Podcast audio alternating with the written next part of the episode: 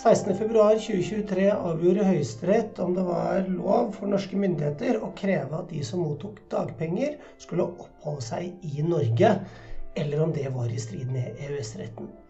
På denne europarettslunsjen kommenterer Tarjei Bekkedal, professor ved Senter for europarett og leder av Level-prosjektet, avgjørelsen. Spørsmålet i saken er jo om uh, folketrygdlovens krav om opphold i Norge for de som mottar dagpenger, Eh, er i samsvar med EØS-avtalen og retten til fri bevegelighet. Eh, og når vi vurderer forholdet til EØS-avtalen, så er det egentlig to spørsmål. Det ene er hvordan dette her er regulert i trygdeforordningen. Og når man har stokket bena og kommet til hvordan det er regulert i trygdeforordningen, så er det et spørsmål om trygdeforordningen uttømmende eh, regulerer dagpengemottakernes rett til fri, fri bevegelighet. Um, og jeg kan ta Høyesteretts avklaringer aller først, det som på en måte er gjeldende rett uh, etter uh, Høyesteretts dom. Uh, og det er jo for det første at Høyesterett sier i flere avsnitt, men det viktigste er avsnitt 97 og 111, så sier de at artikkel 7 i forordningen og trygdeforordningens system uttømmende regulerer dagpengemottakeres rett til fri bevegelighet. Så det har vi uttrykt eh, både i avsnitt 97 og 111. Um, ehm, og som jeg skal komme tilbake til, så sier Høyesterett at dette har man bare innenfor disse spesielle uh, mekanismene som tillater at man bytter arbeidsformidling. Uh, spesialreglene i artikkel 64 i trygdeforordningen. Man har ikke rett til fri bevegelighet utenfor det. Ehm, så med mindre man benytter seg av trygdeforordningens bytterett i artikkel 64, som jeg skal komme tilbake til, så er nok eh, rettstilstanden litt upresist, men likevel klart nok, tror jeg, det som står i avsnitt 92 i dommen. Eh, nemlig i avsnitt 92 i dommen så står det at oppholdskravet i folketrygdloven paragraf 4-2 er forenlig med trygdeforordningen, og dermed gjaldt for A i tilkaleperioden. Han hadde oppholdt seg i Sverige. Um, og så sier Høyesterett at lengden på A's opphold i Sverige gjør at en eventuell nedre avgrensning mot helt kortvarig opphold, typisk ettermiddagsturer over grensen til en annen EØS-stat, ikke kommer på spissen. Så de, de, sier jo ikke at grensa går akkurat ved de typiske ettermiddagsturer, men de antyder det jo. Og jeg mener Såpass strengt som dette blir formulert, så uh, hvis jeg blir arbeidsledig, så kommer jeg til å holde meg til uh, ettermiddagsturer. Uh, maksimum.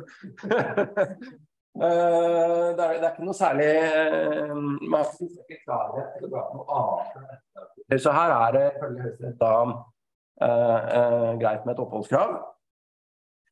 og så syns jeg det også er interessant å merke seg, det skal jeg komme litt tilbake til, jeg syns det er interessant å merke seg i avsnitt 112 i dommen at Høyesterett sier i anførselstegn, som jeg lærte da jeg skrev doktorgrad, faktisk, at det skal man ikke gjøre. Men det finnes ingenting i jussen som er sånn eh, liksom, Sånn er det. Enten er det sånn, eller så er det ikke sånn.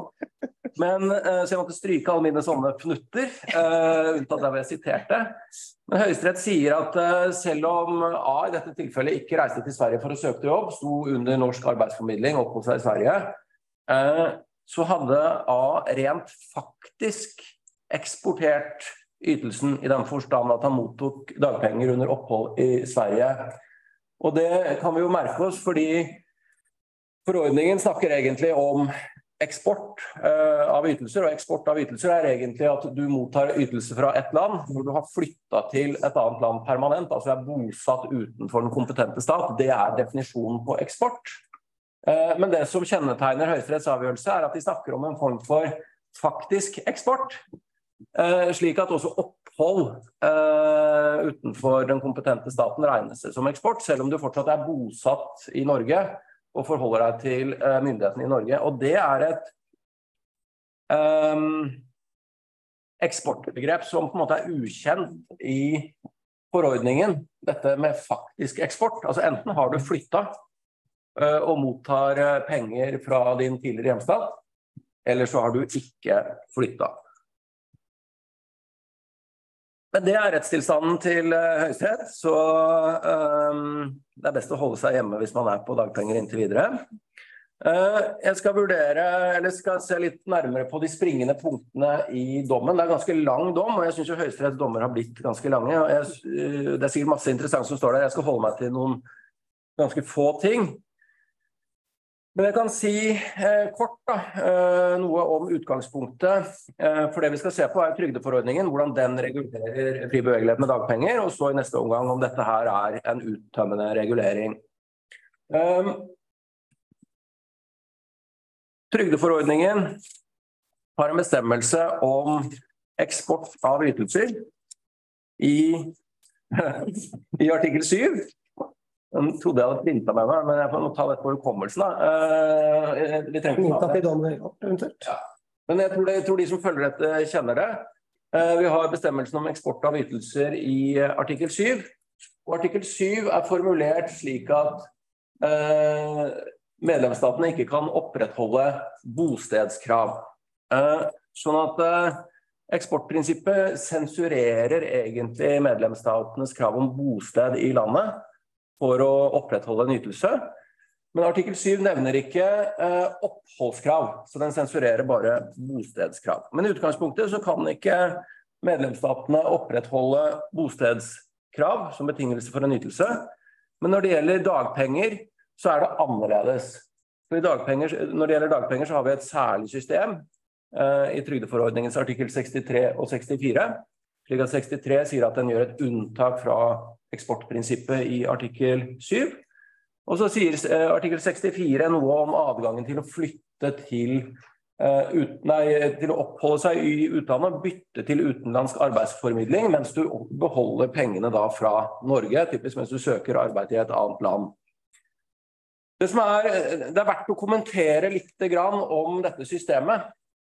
Det er jo i utgangspunktet ikke så veldig intrikat system. Det du kan si er at artikkel 7 og unntaket i artikkel 63 sier egentlig kort og greit at hvis du har dagpenger, flytter til et annet land permanent, så mister du dem. Det er greit. Men det sier ikke noe om opphold. Men så har man en spesialregulering. og Hvis du ønsker å søke jobb i en annen EU-stat, så har du rett til å gjøre det og bytte til den utenlandske arbeidsformidlingen og de utenlandske reglene i en periode på tre måneder.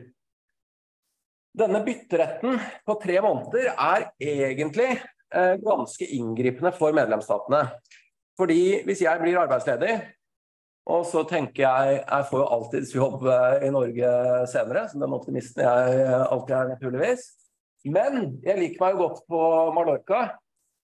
Og jeg, grunnen til at jeg har mista jobben, er egentlig at jeg har gjort en dårlig jobb. Og sånn, for jeg har vært sliten, og først og fremst trenger jeg å hvile ut, og gjerne på Mallorca og med penger.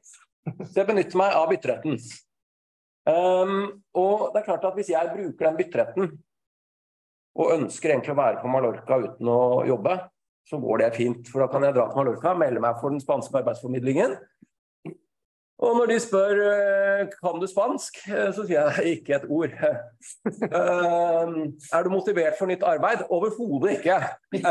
Vil du beskrive deg selv som sympatisk og arbeidsom? Nei, det er nok de siste ordene som vil bli brukt om meg. Ikke sant? Slik at hvis du har lyst til å bruke bytteretten og bare være der, så er det ikke så veldig vanskelig. Jeg antar da spansk arbeidsformidling, det har mer enn nok å gjøre med spanjoler. Hvis du kommer og de tenker åh, for, for, en fyr, så klarer du å unngå å få jobb, og så må du bare komme deg hjem når de tre månedene er over. Men dette er jo en ordning som da er der, fordi det er eh, selvfølgelig også mange som kan tenke seg å søke jobb i utdanning. sant?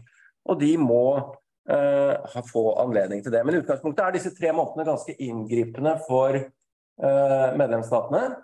Og så har vi en bestemmelse i 64 eh, nummer to, som jeg kan ta med en gang, som er litt viktig. Hvis man søker om, man må søke om å bruke denne bytteretten, og så eh, kan det hende at man søker om å bruke bytteretten, og så surrer man litt, og så kommer man seg hjem eh, altfor sent. Eh, så kan det hende at man mister all rett til ytelser.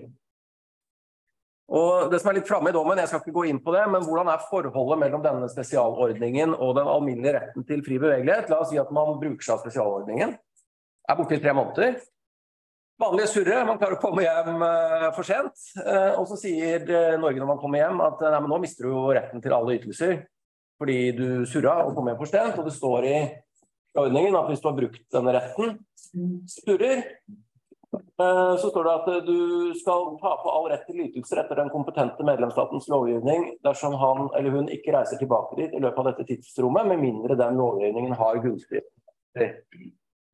La oss si at jeg, Norge har ikke gunstigere bestemmelser. La oss si at jeg søker. Jeg surrer, jeg kommer ikke hjem til riktig tid. Og så sier jeg at jeg har rett til fri bevegelighet. Jeg ble litt lenger i Spania. Først var det bytteretten, så var det den alminnelige retten til fri bevegelighet.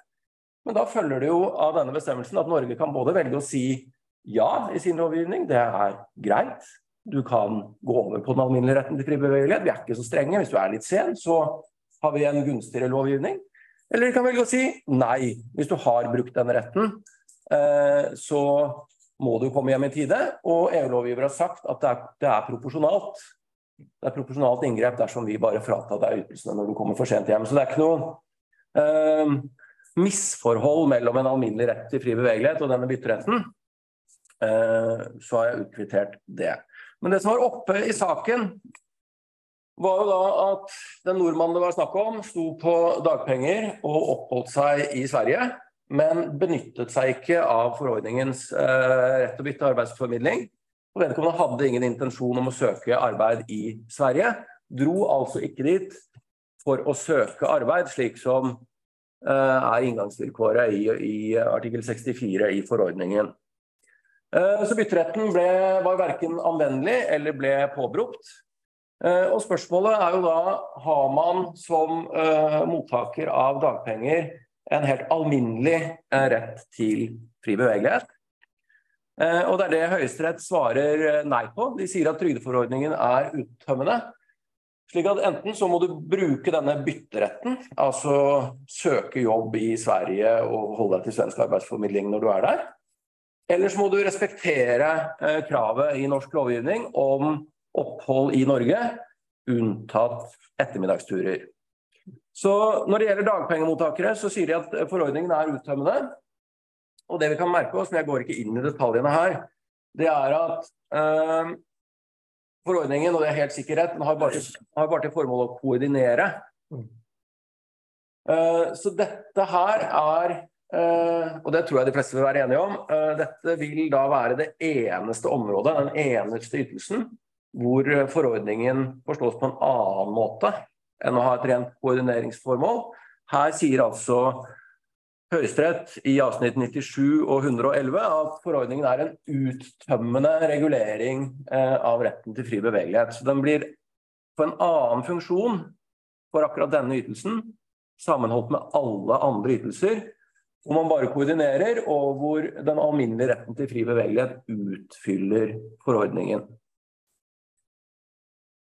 Og Så er spørsmålet hvordan Høyesterett belegger dette. og jeg må jo si Eh, for så vidt ikke overraskende at Høyesterett kommer til det standpunktet de kommer til, for de bygger jo primært på EFTA-domstolens rådgivende uttalelse, og, og EFTA-domstolen sier at dette, denne trygdeforordningen er uttømmende for dagpengemottakere. Og Høyesterett går særlig inn i det som jeg opplever som er det helt kritiske avsnittet i dommen. Eh, det er avsnitt 83. Eh, og det skal jeg se litt nærmere på.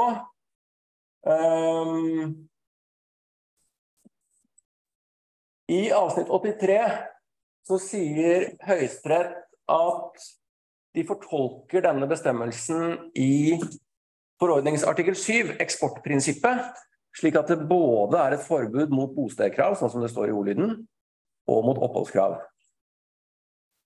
Det står ikke ordlyden av oppholdskrav. Og så sier de at uh, artikkel 64 om dagpenger gjør jo unntak fra artikkel 7. Og siden uh, artikkel 64 gjør uh, unntak fra artikkel 7, så følger det jo at forbudet mot bostedskrav, det gjelder ikke. Men siden Høyesterett innfortolker i artikkel 7 at artikkel 7 i utgangspunktet som hovedregel både forbyr bostedkrav og oppholdskrav, så sier de at når artikkel 64 er et unntak fra dette, så er det et unntak fra både forbudet mot eh, bostedskrav og det innfortolka forbudet mot oppholdskrav. Og Motsetningsslutningen er da at medlemsstatene kan operere med både bostedskrav og oppholdskrav. Det eh, er en eh, Hva skal man kalle det? Det er en ganske kontroversiell tolkning, fordi Høyesterett sier at hvis vi tar med artikkel, eh, hvis vi tar med avsnitt 82 også I avsnitt 42 uttaler domstolen videre at en tolking av artikkel 7, hvor et krav om opphold ikke omfattes, altså innfortolkes, vil frata denne bestemmelsens effektivitet. Men her er vi i sykepengesaken. Og Der sier eh, EFTA-domstolen at et oppholdskrav retta mot sykepengemottakere vil krenke forordningen. Men så sier de at ja, de sier bostedskrav vil krenke forordningen, de sier at oppholdskrav er like inngripende. Så for å fremme den frie bevegeligheten, så vil krav om opphold i Norge når du mottar sykepenger, eh, være i strid med artikkel 7 utvidende tolka. Den tolkningen fremmer jo retten til fri bevegelighet. Men her sier Høyesterett at vi tolker artikkel 7 utvidende, slik at i utgangspunktet forbyr den bostedkrav. Vi tolker den utvidende, som også forbyr oppholdskrav. Og så, Det vi er opptatt av, er at artikkel 64 gjør et unntak fra artikkel 7. Og Når vi allerede har tolka artikkel 7 eh, utvidende, så vil jo unntaket få et større anvendelsesområde også. ikke sant? Og da, man, da, mister man både retten til opphold i et annet land og retten til å bosette seg i et annet land. Og Så sier Høyesterett i, i avsnitt 83, og det syns jeg er litt kontroversielt, jeg har heller ikke funnet holdepunkter for at artikkel 7 kan tolkes slik at den utelukkende omfatter bostedkrav.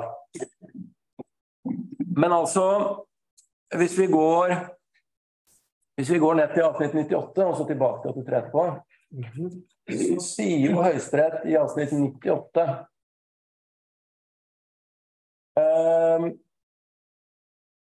Direkte omhandler artikkel 63 bare rekkevidden av artikkel 7, med andre ord bostedskrav.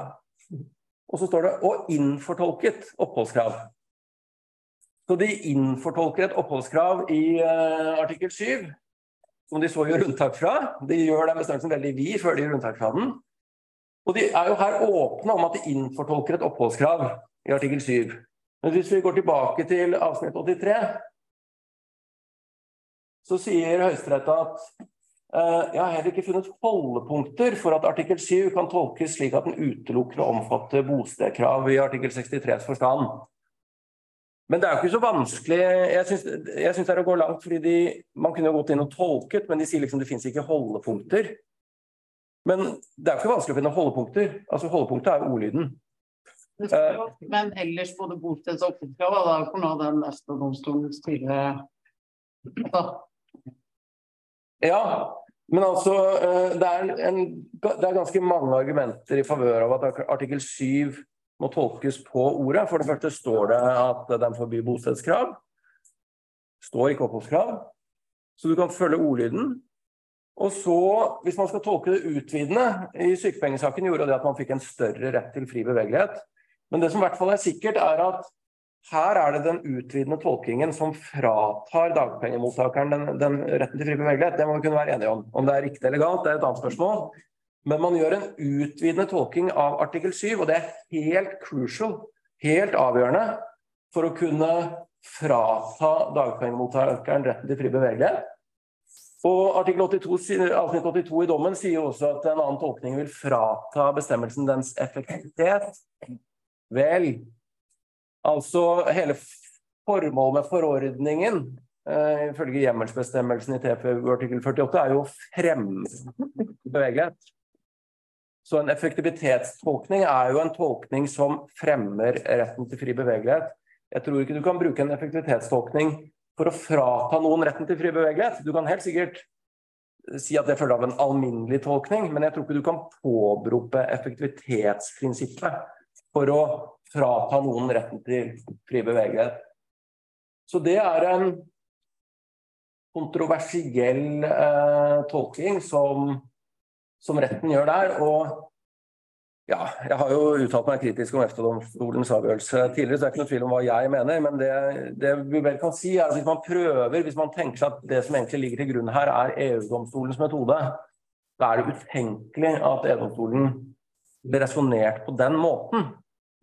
Jeg vil ikke dermed utelukke at de kan komme resultat osv., men den måten ville ikke uh, EU-domstolen resonnert på. Så det er uh, en temmelig kontroversiell uh, formulering. og egentlig henger veldig mye av utfallet på det som står i, i avsnitt 83.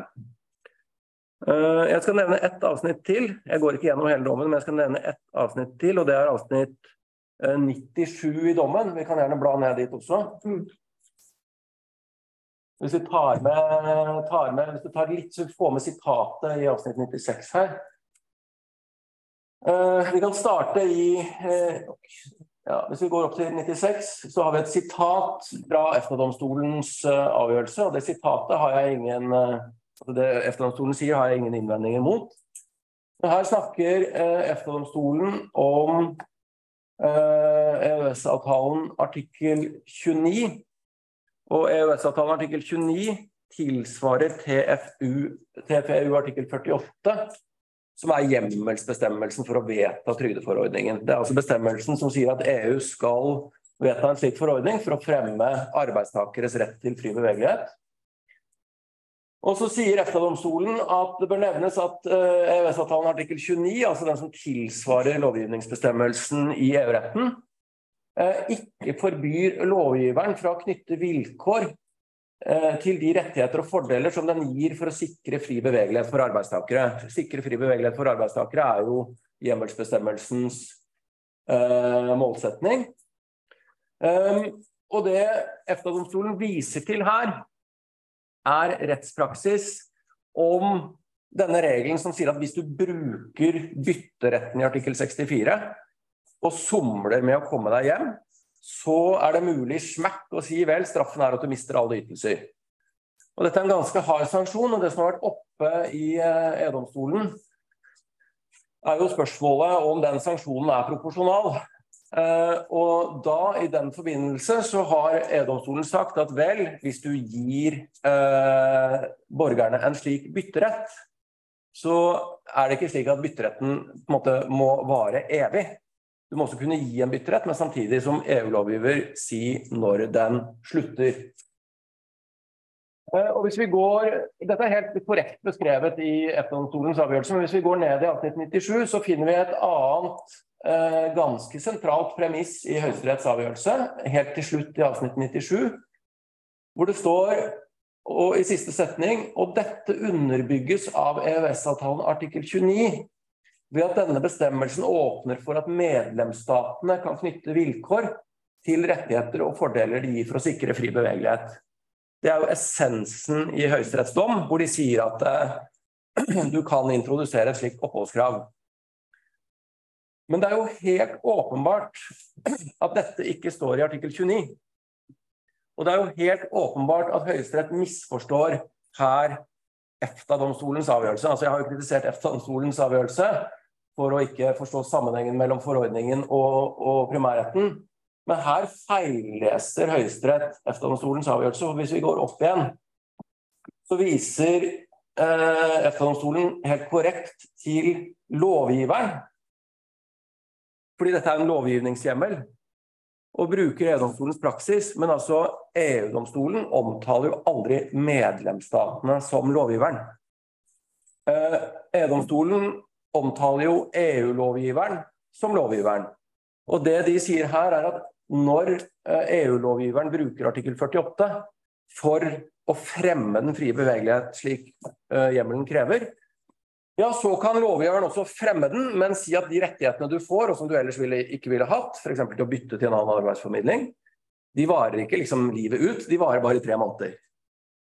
Eh, men jeg tror her, Dette er ikke problematisert av Høyesterett i det hele tatt, og jeg oppfatter det som en ren mislesing, fordi vi i en norsk kontekst selvfølgelig alltid tenker på lovgiveren som vår lovgiver. Men artikkel 29 er jo en bestemmelse som ikke har direkte virkning. Eh, EU-domstolen har slått fast at den tilsvarende bestemmelsen i artikkel 48 kun er en lovgivningshjemmel. Eh, slik at denne bestemmelsen har ingen virkninger Eh, i EØS-avtalen, og er helt klart ikke en bestemmelse som åpner for at medlemsstatene kan knytte vilkår til rettigheter og fordeler som de gir for å sikre fri bevegelighet. Og her snakker man jo om fri bevegelighet i sin store bredde, slik at man faktisk liksom kan gripe inn i tjenestefriheten, f.eks. Um, ehm, og det er noe Høyesterett overhodet ikke problematiserer, men de sier at trygdeforordningen som er vedtatt i artikkel 48, som kun gjelder fri bevegelighet for arbeidstakere, kan brukes til å begrense retten til fri bevegelighet for tjenestemottakere, eller innenfor EU, da, unionsborgere. Men det har man rett og slett ikke hjemmel til. Uh, og denne lesningen av uh, artikkel 29 er uh, rett og slett feil. Um, jeg tror det er de to viktigste tingene som jeg har lyst til å kommentere i dommen. Jeg kan også bruke et par minutter, kanskje, på dommer Falk sin særmerknad. Um, og dommer Falk er jo enig i dommer Falk sitt uh, resonnement om forholdet mellom forordningen og primærretten. for dommer Falk sier at Forordningen koordinerer jo, slik at den regulerer jo de tilfellene hvor man benytter seg av bytteretten. Altså hvor man reiser for å øh, søke arbeid eh, i utlandet. Og så tar han ikke helt Jeg, jeg syns kanskje Falk kunne vært enda mer åpen. Han tar liksom ikke stilling, men det skinner jo gjennom at han ikke helt lar seg overbevise av at, eh, om at trygdeforordningen er uttømmende. Um, slik at uh, han mener vel at uh, hvis man reiser uten uh, å søke arbeid, så er det den alminnelige retten til fri bevegelighet som styrer dette, herunder tjenestereglene. Det er i hvert fall det han antyder. og Det finnes jo mange argumenter for det. Jeg har nevnt de viktigste, men skal man si det helt enkelt, så kan man jo si at hvis man bruker bytteretten drar til utlandet, søker arbeid der, benytter seg av utenlandsk arbeidsformidling, ja, så er det jo behov for koordinering. Men hvis jeg er norsk, jeg oppholder meg på hytta i Sverige, men jeg står under norske regler, jeg mottar penger fra Norge, jeg står under Navs kontroll, og jeg må oppfylle alle vilkårene i norsk lovgivning, og jeg gjør det også, bortsett fra oppholdskravet, så er det ikke noe behov for koordinering.